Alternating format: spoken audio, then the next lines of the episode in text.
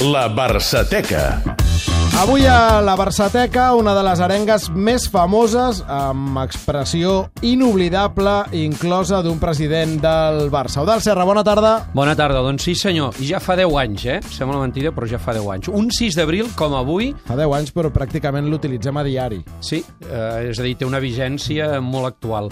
Eh, dèiem un 6 d'abril com avui, però del 2008, a Catalunya se celebrava la trobada mundial de penyes del Barça, concretament a l'Hospitalet de Llobregat, durant el, tot el cap de setmana, dissabte i diumenge, i el diumenge, que era dia 6 d'abril, eh, doncs eh, Joan Laporta, que era el president del Barça, es va dirigir als socis penyistes. El Barça, després d'uns anys exitosos amb títols de Lliga, i recordeu la segona Copa d'Europa guanyada a París, viu, diríem que la recta final de l'era Rijkaard a la banqueta. L'equip no va gaire bé, a la Lliga és tercer a 7 punts del Madrid, eh, encara està viu a la Copa d'Europa, i eh, també a la Copa del Rei, però no està fent una molt bona temporada. Hi ha, però, molta pressió al voltant de la porta, des de diversos mitjans i també des de diversos sectors dels aficionats blaurana. I en el discurs, com dèiem, davant els penyistes, la porta sorprèn amb aquesta arenga que s'ha fet famosa, com dèieu. Però ojo, que també ens venen crítiques d'hipòcrites que fan veure que són del Barça i que no ho són. Aquests és els que a mi m'agradaria a vostès prevenir-los. ¿Eh? Porque muchas críticas vienen de hipócritas que dicen que son del Barça y no lo son. Y me están embaucando algunos de ustedes.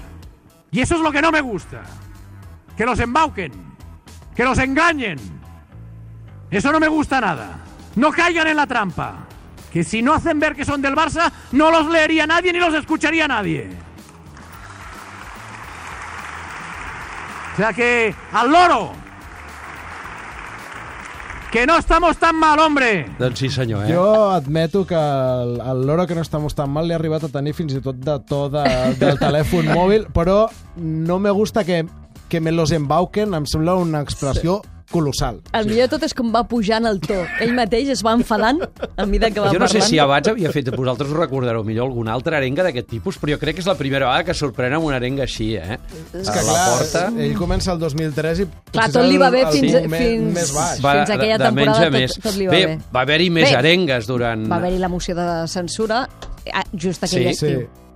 va haver-hi més arengues durant aquell discurs, on demanava sobretot optimisme, positivisme, perquè ell deia que veia els aficionats i els penyistes en concret aquell dia molt decebuts i molt desanimats. O, o espavilem tots nosaltres o, o no farem res.